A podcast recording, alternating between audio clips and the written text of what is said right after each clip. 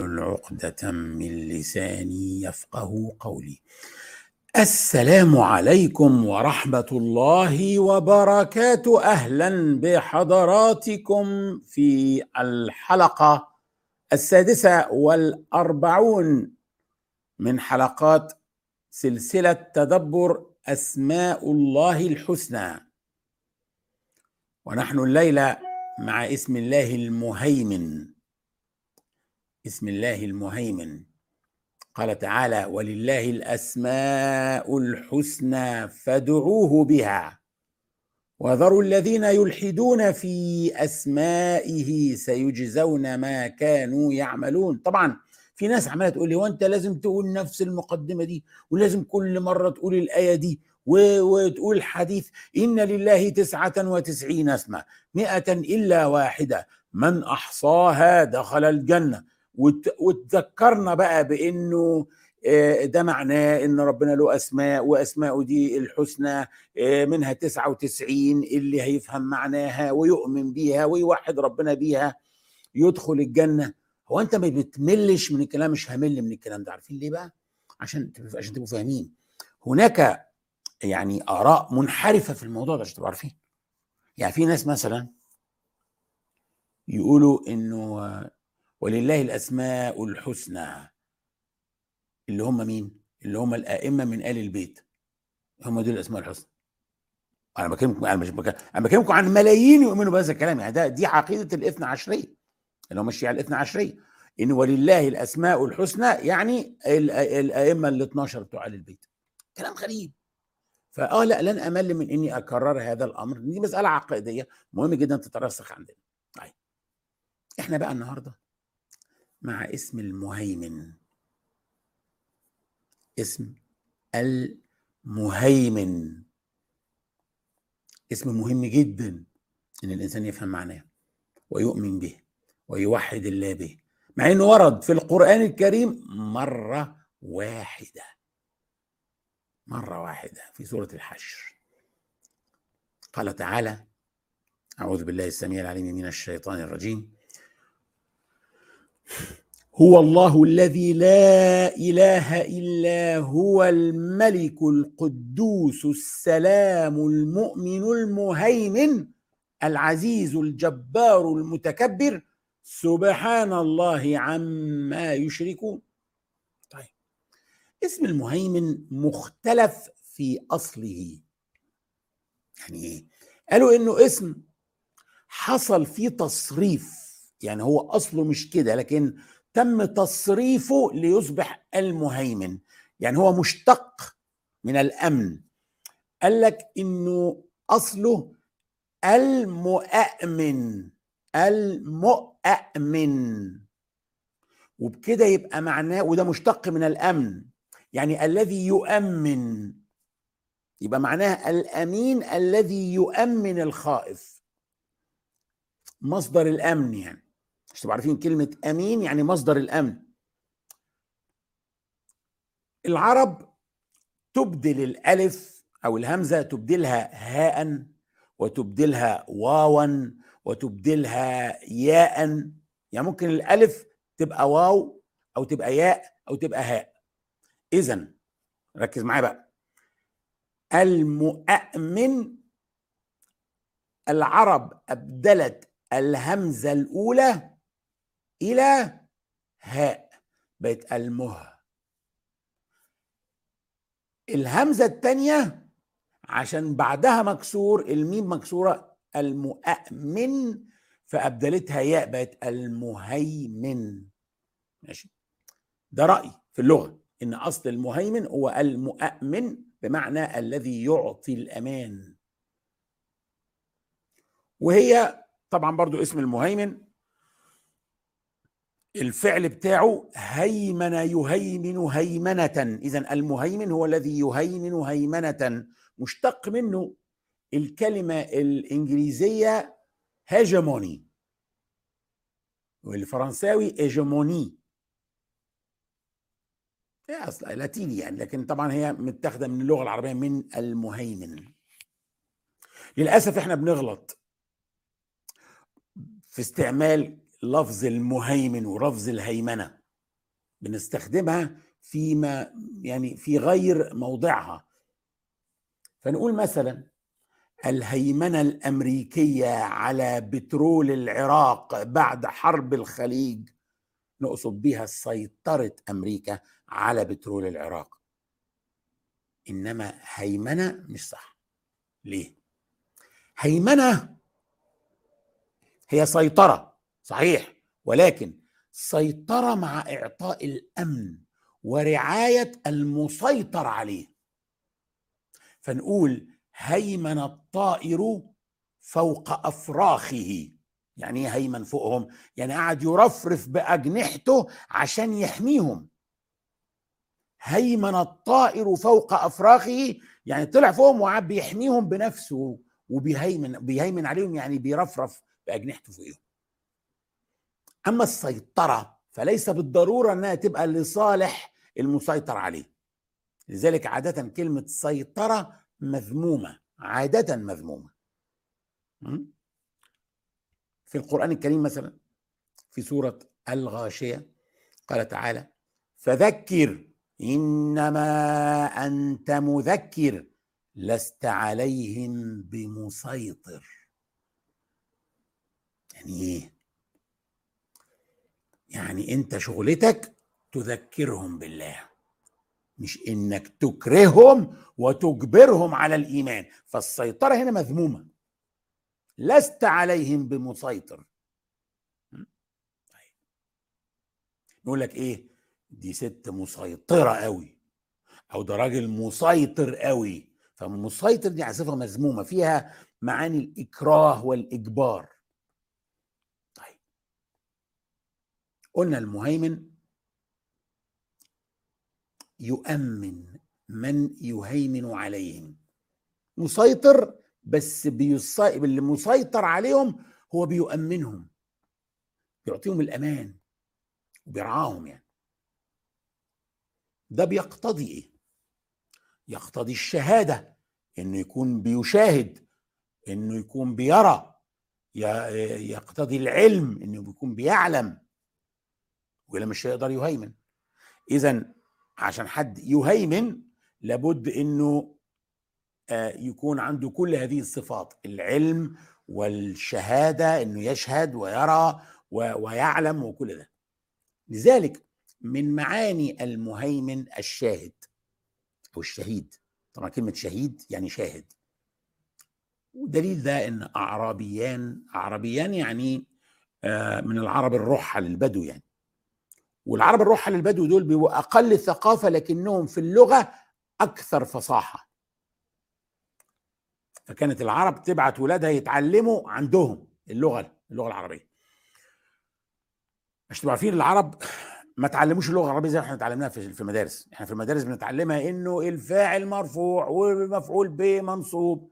العرب ما سمعتش أصلا الكلام ده خالص. هي بترفع وتنصب بس بتنصب بالسليقة. بالممارسة فبقى بيرفع الفاعل وهو ما بيعرفش ما بيعرفش يعني إيه فاعل أصلا. ما بيقولش كلمة فاعل ما يعرفش يعني في حاجة اسمها نحو وصرف وبتاع. خالص البدوي ما عندوش الكلام ده. لكن بيرفع وينصب صح لأنه خلاص أصبحت سليقه عنده.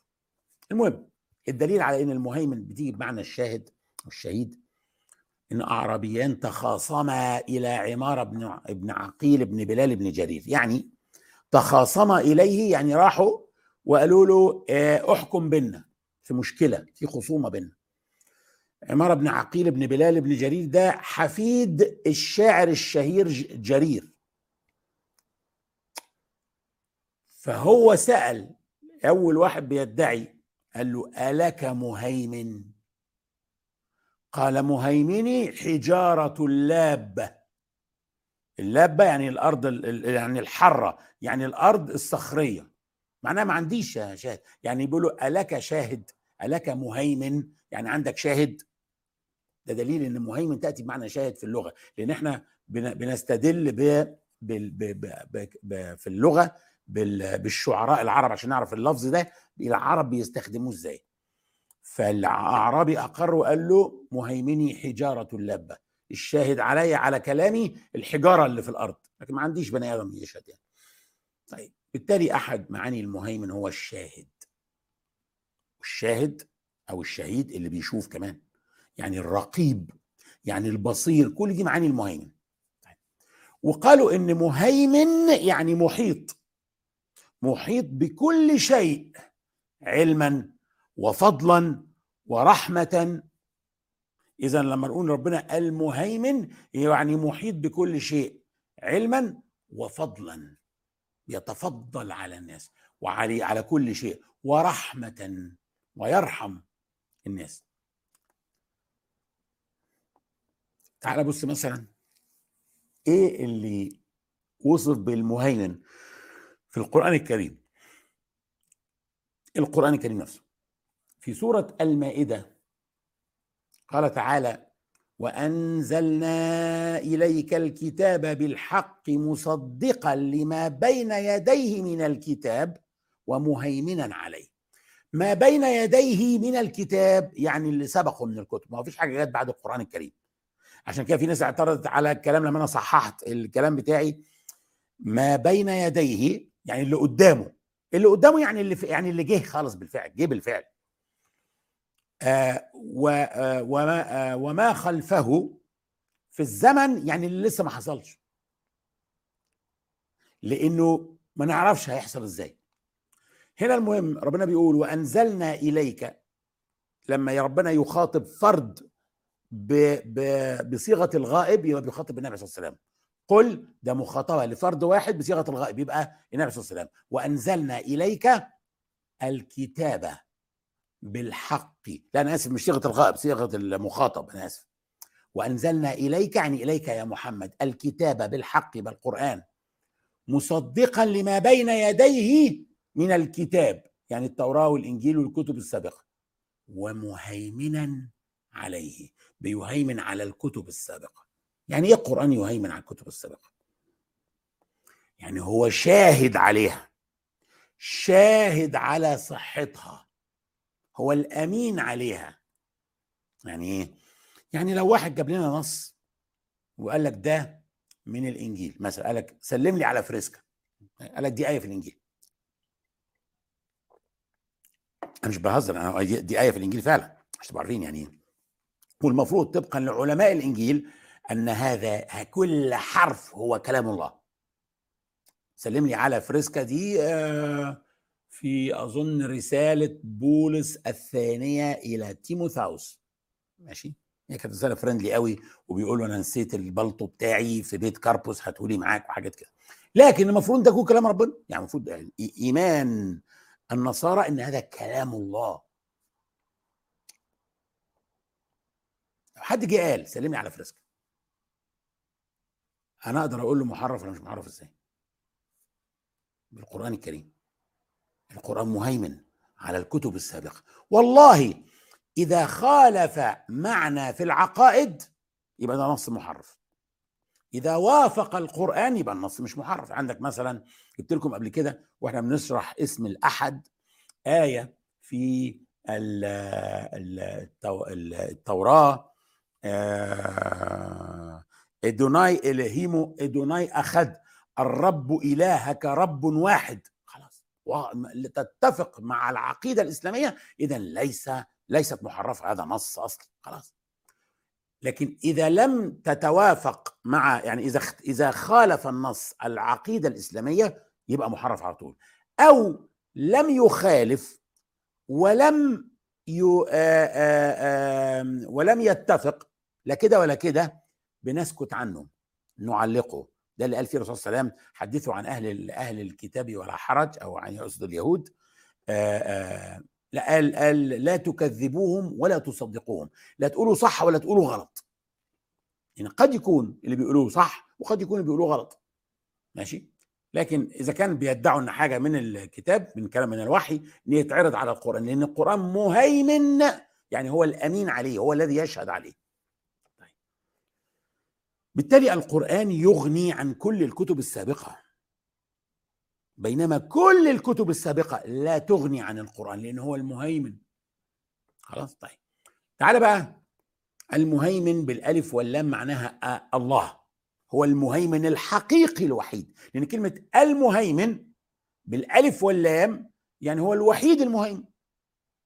الله بس إحنا قلنا إن في مهيمنين تانيين في الدنيا يعني في الراجل بيهيمن على بيته رئيس مجلس الاداره بيهيمن على على شركته. إيه الفرق بين الله سبحانه وتعالى كمهيمن وأي إنسان مهيمن آخر؟ قلنا إنه المهيمن يقتضي معاني الرقيب والسميع والبصير والشهيد. اذا من معاني المهيمن هو أنه مطلع على خفايا الأمور. أي ما ممكن الانسان يطلع على خفايا الأمور؟ لا لن يطلع على خبايا الصدور. خفايا الأمور يعني الأمور التي تخفى عن الأنظار والأسماع. مش بالضرورة إن انها تبقى حاجات ينفع الحكومة تسجلها لا.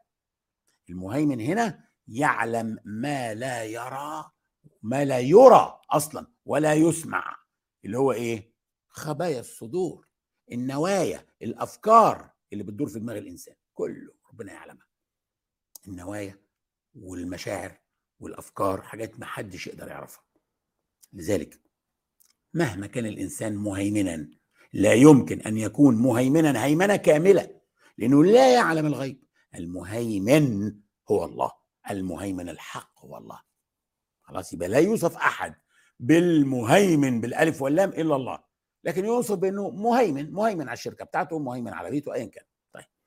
كذلك المهيمن يقتضي القوة. عاد قالوا إيه؟ قالوا من أشد منا قوة.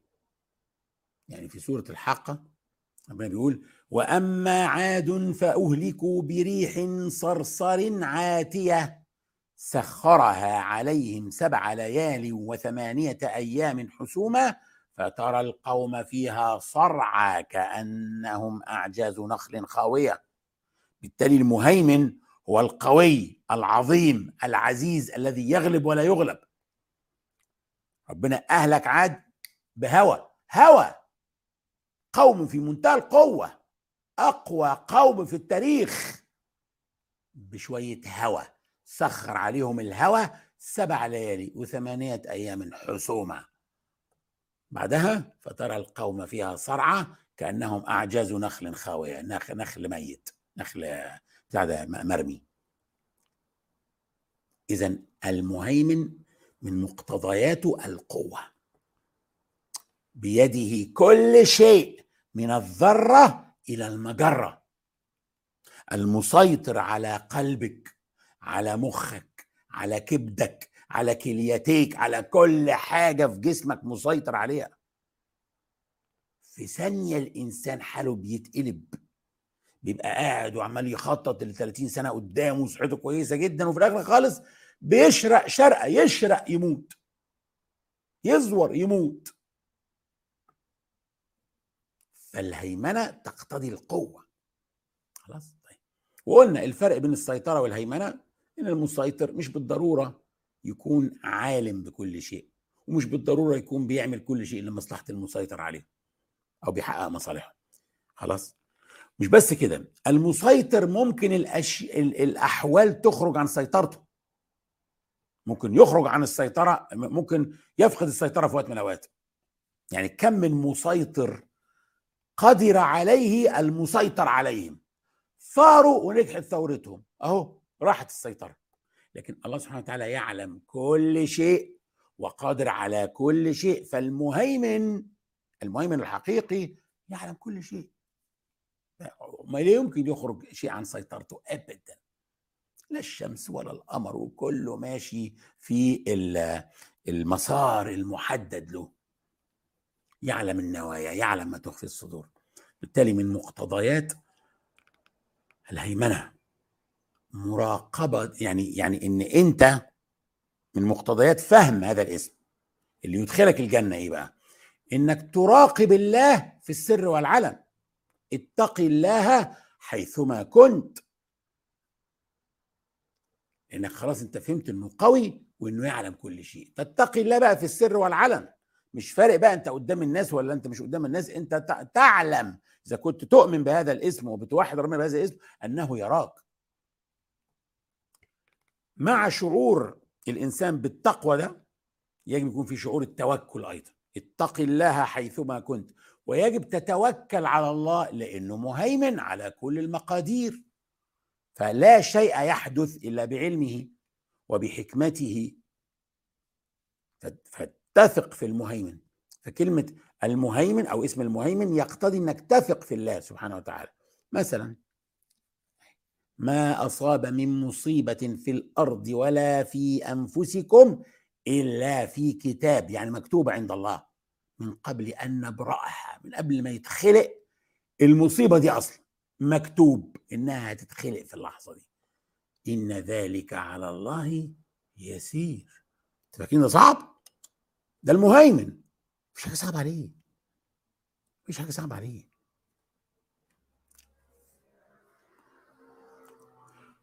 لذلك إذا أنت آمنت بذلك بذلك المهيمن ممكن يبقى هذا الاسم حصن بالنسبة للمؤمن. أنت بتتحصن بهذا الاسم. يعني أنت آخر مرة فكرت فيها في قلبك اللي بيدق باستمرار دون توقف. آخر مرة أنت فكرت إنك الان قلبك يقف. فكرت أنت إن لو قلبي يقف دلوقتي هعمل إيه؟ قلقت الموضوع ده؟ لا. ليه؟ لأن ربنا هو المهيمن المسيطر على أمورك بيؤمنك من هذه المخاطر. إلى أن يأتي الأجل. جه الأجل قلبك هيقف. لكن طول ما الأجل لم يأتي ربنا بيؤمنك من كل ده. كليتيك هيفضلوا شغالين قلبك هيفضل شغال كله شغال. لذلك لما ننظر بقى في الآية اللي ورد فيها اسم المهيمن. نجد إنها بتختم بالتعجب من الذين يشركون. أنت بعد ما تؤمن بإن هو المهيمن تشرك بيه حد تاني إزاي مش مهيمن؟ شوف الآية. آه. عيد الحشر فين اهي عيد الحشر هو الله الذي لا إله إلا هو الملك. ما فيش ملك غيره. القدوس السلام المؤمن المهيمن العزيز الجبار المتكبر. سبحان الله عما يشركون. هناك حمقى يشركون مع الله في هذه الصفات. يبقى أول حاجة علشان تستفيد من اسم المهيمن ويبقى سبب في دخولك الجنة. أول حاجة. توحد الله باسمه المهيمن. فتعلم أنه لا مهيمن إلا الله. أدي أول حاجة. اثنين تتقي الله في السر والعلن لأنه مهيمن فبالتالي يعلم خبايا الأمور ويعلم نواياك ويعلم كل شيء. ثلاثة تشعر بالاطمئنان لأن أمورك وأمور العالم بيد المهيمن. زي ما انت بتتقي الله لانك تخاف الله لأن ربنا يراك تشعر بالاطمئنان لانك تعلم ان كل امور امور العالم كله بيد المهيمن. طالما انت عامل اللي عليك ومتوكل على الله تشعر بالاطمئنان. أربعة بقى من باب التخلق بصفات الله. خليك انت كمان مهيمن في حدود سلطتك. يعني رب الأسرة لازم يهيمن على بيته.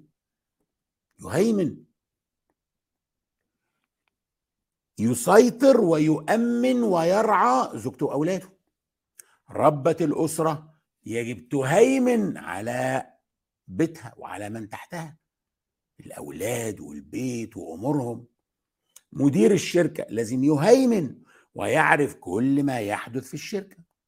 ينظر في التقارير المالية يفهم حركة الكاش فلو بتاعه مش يفاجئ آخر الشهر إن ما عندوش سيولة يقبض الناس مرتباتها.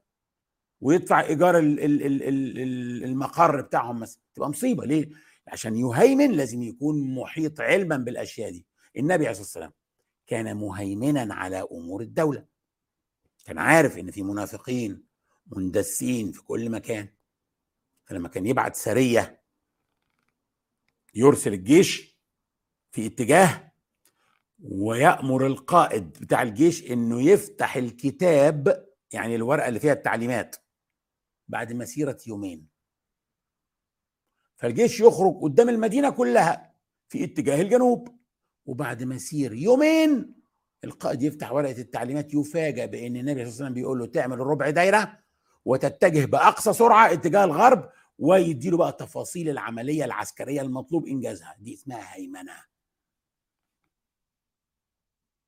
في غزوة بدر قال النبي صلى الله عليه وسلم للصحابة من يرى منكم العباس فلا يقتله. آه من يرى منكم عمي العباس فلا يقتله. عمه العباس خارج مع أهل بدر خارج مع قريش في بدر. واحد من الصحابة قال يعني هو إزاي؟ إشمعنى؟ يعني الواحد مننا بيقاتل أبوه وبيقاتل أخوه وهو مش عاوزنا نقتل عمه؟ فأساء الظن بالنبي صلى الله عليه وسلم. ودي كانت غلطة. وبالفعل العباس أسر ولم يقتل. الصحابة لم يقتلوه. النبي قال ما حدش يقتله. اللي الناس لا تعرفه إن العباس كان بيخفي إسلامه وكان هو عين النبي في مكة. كان عميل الاستخبارات الإسلامية في مكة.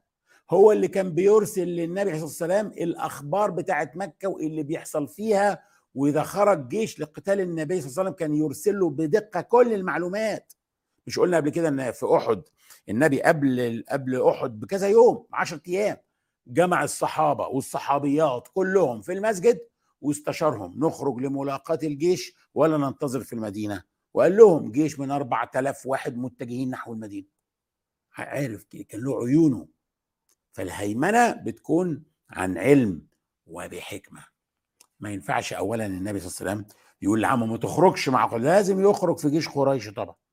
ما كشفش ما ينفعش يقول للصحابة ويقول لمجتمع المدينة اللي فيه منافقين كتير إن اللي يشوف منكم العباس ما يقتلوش هو رجلنا في مكة. ما ينفعش يقول كده هيكشفوا. وكان خلي بالك المنافقين واليهود على اتصال مستمر بقريش. فجابها لهم على إنها علاقة قرابة. من يرى منكم عمي العباس عمي. لا يقتله هو ما بس. لذلك أنا بتضايق جدا الحقيقة لما كل واحد فينا عنده حساب فيسبوك بيفتكر نفسه بيفهم في السياسة ومن حقه إنه يدلي برايه بقى ويقول بقى ويغلط ده وده وإزاي يعمل كده وأردوغان إزاي يعمل كده ومش عارف مين إزاي يعمل كده. يا جماعة أنت عارف أصلا الحقائق إيه؟ دي النقطة إن أنا عشان أتدبر لازم أبقى فاهم أبقى انسان موضوعي. مش معنى إن أنا آه عندي اكونت فيسبوك يبقى أنا بقيت دكتوراه في العلوم السياسية. مش معقول. وكل واحد داخل يفتي ويأي ويقول أي كلام. يعني الهيمنة بالنسبة لرب الأسرة إنه يبقى مدبر نفسه عشان الأسرة ما تغرقش. دايما عنده مبلغ متشال على جنب للطوارئ. دايما عامل حسابه لو حد تعب بالليل هينزل ياخده أنه أي مستشفى بالظبط. فالهيمنة هنا تقتضي إن الإنسان يبقى عامل سيناريوهات لحالات الطوارئ. هيعمل فيها إيه؟ مش لسه هيفكر وقتها. ما ينفعش الإنسان ينتظر حتى تحدث المصيبة وبعد كده يقعد يفكر هيعمل إيه. مش هينفع تفكر وقت المصيبة. أنت يكون عندك plan A و plan B أصلا. دي هيمنة. أنا أعرف واحدة بتنام؟ بتنام بدري. بس بتظبط المنبه كل ساعتين. فيصحيها الساعة 9 ويصحيها الساعة 11 ويصحيها الساعة 1 ليه؟ تكلم ولادها تشوفهم فين كل واحد. وهترجع إمتى؟ وهترجع الساعة كام؟ ولما ترجع صحيح دي اسمها هيمنة. هيمنة جيدة. مش سيطرة يا هيمنة. مش الواحد يبقى عايش مش عارف إيه اللي بيحصل في بيته ولا عارف إيه اللي بيحصل في شركته ولا عارف. لا اسم المهيمن ده يطمني أنا لما أؤمن بأن الله هو المهيمن أنا أطمئن. أطمئن. لأنه يعلم وفي إيده كل شيء فأطمئن. في نفس الوقت يخوفني لأنه يعلم كل شيء عننا كمان برضو يعلم سري وعلانيتي يعلم بعمل إيه في السر وفي وفي العلن. أنا بقى الحقيقة عايز أقول لكم تخيلوا معايا كده إن المهيمن لم يكن الله. المهيمن كان حد تاني بس مش الله. يعني تخيلوا لو المهيمن ما كانش رحمن ولا رحيم. تخيلوا لو المهيمن لم يكن كريم لم يكن جواد. ده معناه إيه؟ ما كانش يبقى مهيمن كان يبقى مسيطر بس. مسيطر وكنا اتبهدلنا. اذا نحمد الله على صفة المهيمن. نحمده أنه هو المهيمن وليس أحد آخر. اسم المهيمن ده حصن للمؤمن الموحد بالله. قصة موسى يا جماعة تتجلى فيها صفة المهيمن بشكل واضح جدا. أنت متخيل يعني إيه ربنا يأمر أم خايفة على ابنها من الموت؟ إنها ترميه في البحر. والله يعني الآية أما أما بقرأ ال ال الألفاظ بتاعتها ببقى مش قادر مش معقول. بص. بص الآية. وأوحينا إلى أم موسى أن أرضعيه فإذا خفت عليه فألقيه في اليم. ولا تخافي ولا تحزني. مستحيل امه ترمي ابنها في البحر. إلا لو هي مؤمنة بإن اللي بيقول لها كده مهيمن مهيمن على ابنها وهو في البحر. في إيده كل شيء. فلازم تكون مؤمنة. طبعا دي يعني أم موسى أصلا يعني في رأي يقول أنها نبية. مش تبقوا عارفين يعني عند بني إسرائيل ثمان نبيات هي منهم. فربنا طمنها بإنه فهمها إنه مهيمن. وقال لها ولا تخافي ولا تحزني. بس كده إن رادوه إليك. تسمعي أكتر؟ وجعلوه من المرسلين كمان. يعني ده هيرجع لحضنك وهيتربى ويكبر في حضنك وكمان هيكبر و... ويبقى نبي هيبقى رسول. هو في طمأنة أكتر من كده؟ طمنها أنه مهيمن تماما ارميه في البحر مالكيش دعوة. فرميته في البحر. طبيعي اللي نتوقعه إن ربنا يرعى هذا الطفل في الصندوق اللي في البحيرة دي بحيث إنه ما يقعش في يد فرعون. لا ده المهيمن خلى الصندوق يعوم وعند قصر فرعون يتجه نحو الشاطئ عشان يقع في إيد فرعون. سبحانك يا ربي إيه الهيمنة دي؟ يعني أنا أتوقع إن المهيمن هيخلي الصندوق يبعد بقى عن إيه؟ عن مصر بقى يبعد عن قصر فرعون بقى. لا ده المهيمن خلى الصندوق يروح عند فرعون ويلتقطوه كمان قال فرعون. اتفضل. فالتقطه آل فرعون ليكون لهم عدوا وحزنا. إن فرعون وهامان وجنودهما كانوا خاطئين. التقطوه. وتربى في بيت عدو الله وعدوه هو. وبنفس الأداة اللي ربنا أنقذ بها موسى قتل بها فرعون. الماء. الماء. موسى ألقي في الماء فنجا. فرعون نزل في المية مات. غرق. هذه هيمنة. هيمنة.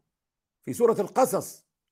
واستكبر هو وجنوده في الأرض بغير الحق وظنوا أنهم إلينا لا يرجعون. بعث مين؟ قال لك ما فيش بعث. ما فيش بعث والله؟ طب خدوا بقى. فأخذناه وجنوده فنبذناهم النبذ يعني الإلقاء فنبذناهم في اليم. فانظر كيف كان عاقبة الظالمين. اليم يعني البحر بالعبرية. كلمة البحر جاءت في في القرآن كبحر إنما مع بني إسرائيل وأمور بس تيجي اليم النهارده في اللغة العبرية يم يعني البحر. انظر بقى إلى قدرة الله وقوة الله. طيب إزاي ربنا فعل ذلك؟ يعني يعني خلى موسى يقع في إيد عدوه اللي بيقتل أطفال بني إسرائيل وما يقتلوش. إزاي؟ هيمن على القلوب. إزاي هيمن على القلوب؟ وألقيت عليك محبة مني ولتصنع على عيني. كانت النتيجة إيه؟ وقالت امرأة فرعون قرة عين لي ولك. لا تقتلوه عسى أن ينفعنا أو نتخذه ولدا. وهم لا يشعرون. قرة عين فيها قرة عين؟ الإنسان لما يكون مضطرب في حالة اضطراب يقعد ينظر يمينا وشمالا مضطرب. عينه بتقر يعني بتستقر وبتهدأ وبتقف كده إمتى؟ لما بيهدى قرة عين هو ده اللي هيهدينا. ليه هيهديها؟ هي كانت لا تنجب. فلما شافته ووقع حبه في قلبها مع إنه واضح إنه من أطفال بني إسرائيل. ليه؟ لأنه مختون. الختان فريضة على الذكور. واليهود يختنوا فورا بعد بعد الولادة. فالختان فريضة ربنا فرضها في شريعة إبراهيم أصلا. لذلك هي من أقدم الشرائع. وبالختان طول عمرها يعني لغاية آه، دلوقتي. اليهود يعرفوا بين الأمم اللي بتضطهدهم عن طريق الختان. فيجوا النازيين لو حد قال أنا مش يهودي يكشفوا عليه لو مختون يبقى يهودي وبيكذب عليه. لكن بص بقى سبحان الله المهيمن. لو كانت امرأة فرعون بتنجب وعندها خمس ست عيال ما كانش كل ده حصل. ما كانش هتقول قرة عين لي ولا ولا حاجة. ولا عسى أن نتخذ ولدا. وعندهم خمس ست عيال. لكن هي ابتليت بعدم الإنجاب ليصبح موسى لينجو موسى ويصبح نبيا من أعظم أنبياء مش بني إسرائيل من أعظم أنبياء الإسلام. سيدنا موسى نبي الإسلام. وقال موسى يا قوم إن كنتم آمنتم بالله فعليه توكلوا إن كنتم مسلمين. يبقى المصائب حدثت وتحدث وستحدث ولكن استقبال الإنسان لهذه المصائب بيختلف على حسب إيمانه. المؤمن بأن الله هو المهيمن سيصبر على المصائب ويواجه التحديات بقوة وبشجاعة وبحكمة. منبع هذه القوة إيه؟ التوكل على الله المهيمن. المهيمن يقتضي أنه عليم يعلم كل شيء هو العليم مش عليم هو العليم يعلم ما حدث في الماضي وما يحدث في الحاضر وما سيحدث في المستقبل ويعلم الرابع إيه الرابع ده؟ يعلم ما لن يحدث ابدا إذا حدث كيف يحدث؟ يعني يعني يعلم المستحيل الذي لن يحدث لو حدث يحصل إزاي؟ شيء عجيب. سورة الأنعام. ولو ترى إذ وقفوا على النار فقالوا يا ليتنا نرد ولا نكذب بآيات ربنا ونكون من المؤمنين. ربنا بيقول لو تشوفوا الكفار دول لما يقفوا على النار خلاص هيلقوا فيها هيلقوا فيها. فيقولوا يا ريت نرد تاني للحياة للدنيا. ده الكلام ده بعد البعث خلاص وبعد الحساب كمان. هيلقوا في النار خلاص. يا ريت نرد ولا نكذب بآياته ولن نكذب ساعتها. ده إحنا ونكون من المؤمنين. فربنا بيقول بل بدا لهم ما كانوا يخفون من قبل. ولو ردوا لعادوا لما نهوا عنه وإنهم لكاذبون. لو ربنا ردهم للدنيا وده مش هيحصل ومستحيل يحصل هيرجعوا تاني ليه؟ لأنهم كذابين.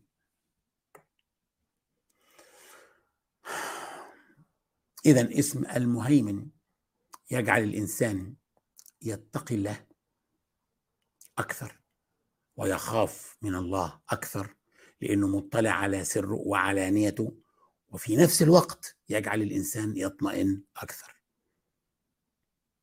لأنه حتى لو ظلم الله يعلم ويرى ويسمع ولن يضيع أجر هذا الإنسان ولن يضيع حق هذا الإنسان. لذلك قبل ما يذكر الله اسم المهيمن ذكر الناس بالتقوى وذكرهم بالنار وذكرهم بالجنة. اقرأ معايا الآيات التي سبقت آية سورة الحشر اللي ذكر فيها اسم المهيمن. تعالوا نفتح كده سورة الحشر من الآية 18 من الايه 18 سياق الآية التي جاء فيها اسم المهيمن. يا أيها الذين آمنوا اتقوا الله ولتنظر نفس ما قدمت لغد واتقوا الله. إن الله خبير بما تعملون. لاحظ إن أمر بالتقوى تكرر في آية واحدة. اتقوا الله ولتنظر نفس ما قدمت لغد واتقوا الله.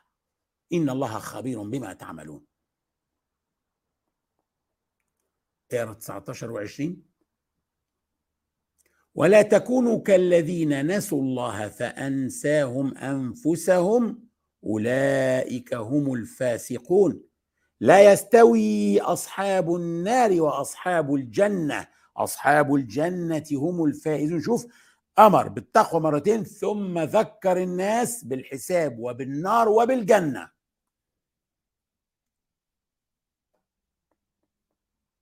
وبعد كده لو أنزلنا هذا القرآن الذي يذكركم خلي بالك بالنار وبالجنة ويأمركم بالتقوى لو أنزلنا هذا القرآن على جبل لرأيته خاشعا متصدعا من خشية الله. وتلك الأمثال نضربها للناس لعلهم يتفكرون. فكر ده لو نزل على جبل هيهده. أنت بتقرأ الكلام ده وما أنت ما بيأثرش فيك ليه؟ يبقى أنت بتقرأ غلط. بتقرأ بطريقة غلط مش بتستقبله بقلبك. مش شاعر بالكلام. أشعر بيه.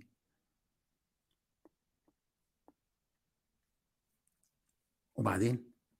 بعد ما وصلك لأقصى حاجة في المشاعر بتاعتك هو الله الذي لا إله إلا هو عالم الغيب والشهادة.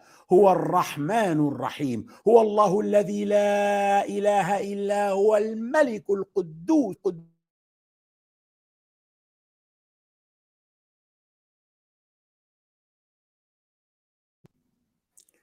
الملك القدوس السلام المؤمن المهيمن. العزيز الجبار المتكبر. سبحان الله عما يشركون.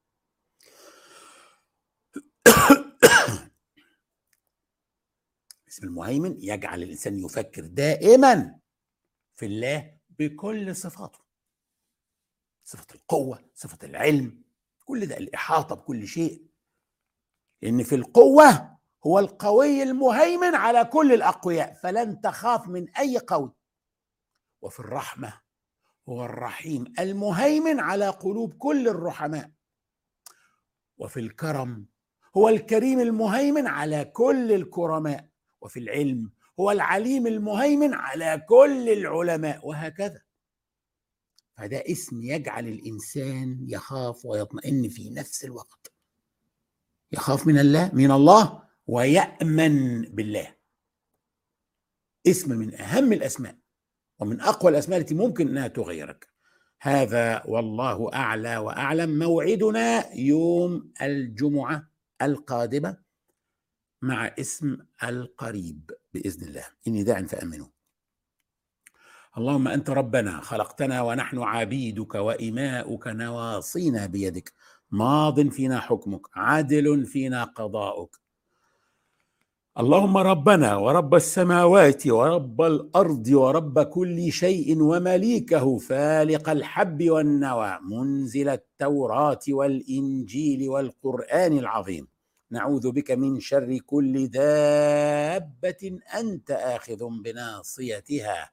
أنت الأول فليس قبلك شيء وأنت الآخر فليس بعدك شيء وأنت الظاهر فليس فوقك شيء وأنت الباطن فليس دونك شيء. اقض عنا الدين وأغننا من الفقر. اللهم أنت الله لا إله إلا أنت. أنت الغني ونحن الفقراء إليك. اللهم أغننا بالافتقار إليك ولا تفقرنا بالاستغناء عنك. نعوذ بك من الفقر إلا إليك. اللهم اكفنا بحلالك عن حرامك وأغننا بفضلك عمن سواك.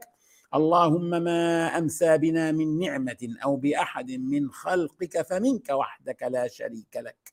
فلك الحمد ولك الشكر. يا ربنا لك الحمد كما ينبغي لجلال وجهك وعظيم سلطانك. ربنا اغفر لنا ذنوبنا وأدخلنا في رحمتك وأنت أرحم الراحمين. ربنا إنا نعوذ بك من همزات الشياطين ونعوذ بك ربنا أن يحضرون. وتب علينا إنك أنت التواب. اللهم أعزنا بطاعتك ولا تذلنا بمعصيتك. حسن أخلاقنا بالصفات الحميدة والأخلاق الكريمة. اللهم إنا نسألك حبك وحب من يحبك وحب كل عمل يقربنا إلى حبك. اللهم ما رزقتنا ما نحب فاجعله قوة لنا فيما تحب.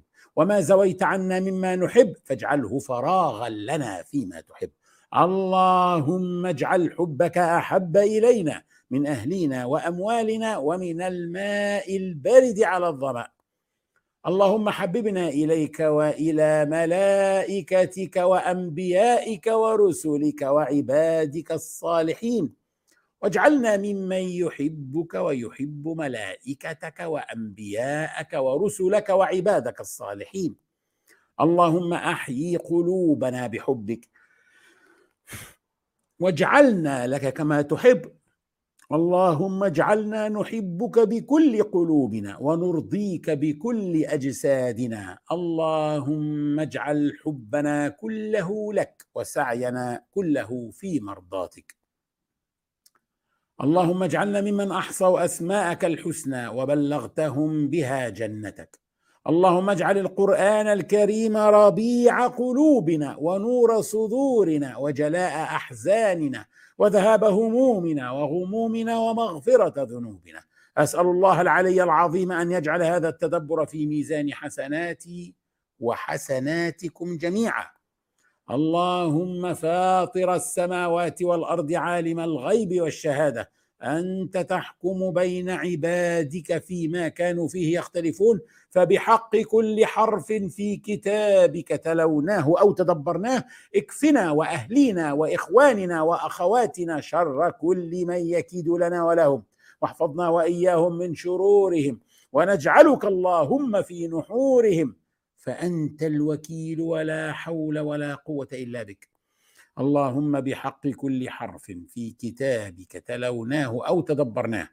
أيد بنصرك المرابطين في الأرض المباركة فلسطين. يا حي يا قيوم برحمتك نستغيث. اللهم سدد رميهم وخيب رمي عدوهم. انصر أولياءك على أعدائك. إنك إن تنصرهم تنصر أولياءك على أعدائك. وكن مع إخواننا في تركستان الشرقية وفي الشام وفي كشمير وفي الهند. انصر من نصرهم اخذل من خذلهم وطهر المسجد الأقصى من الدنس فإنهم لا يعجزونك. اللهم احفظ المسلمين من الزلازل والغرق والهدم والأمراض. اللهم يا من جعلت النار بردا وسلاما على إبراهيم اجعل السجن بردا وسلاما على عبادك المأسورين وإمائك المأسورات. وعجل بفرجهم وأحسن خلاصهم وفرج كربهم. وكن مع المبتلين من عبادك المهجرين من ديارهم. ضاعف ثوابهم ثبتهم على دينهم. إن كانوا جياع فأطعمهم إن كانوا حفاة فاحملهم إن كانوا عراة فاكسهم. إن كانوا مرضى فعافهم إن كانوا مقهورين فانصرهم. واشف صدور عبادك ممن ظلمهم. فأرهم فيه يوما كاليوم الذي شققت فيه البحر لموسى وهارون وأغرقت فيه عدوك. وحسبنا الله ونعم الوكيل. اللهم اشف مرضانا واهد شبابنا وارض عنا ورضنا واجمعنا في ظل عرشك يوم لا ظل إلا ظلك. واسقنا من يد سيدنا محمد شربة هنيئة لا نظمأ بعدها أبدا ولا تحرمنا لذة النظر إلى نور وجهك الكريم. اللهم إنك تعلم أن هذه القلوب قد اجتمعت على كتابك وعلى محبتك والتقت يا ربنا على طاعتك وتوحدت على دعوتك وتعاهدت على نصرة شريعتك فوثق اللهم رابطتها وأدم ودها واهدها سبلها واملأها بنورك الذي لا يخبو واشرح صدورها بفيض الإيمان بك وجميل التوكل عليك وأحيها يا ربنا بمعرفتك وأمتها يا مولانا على الشهادة في سبيلك. إنك نعم المولى ونعم النصير. والسلام عليكم ورحمة الله. ونراكم الجمعة القادمة بإذن الله. في نفس هذا الموعد إن كنا من أهل الدنيا.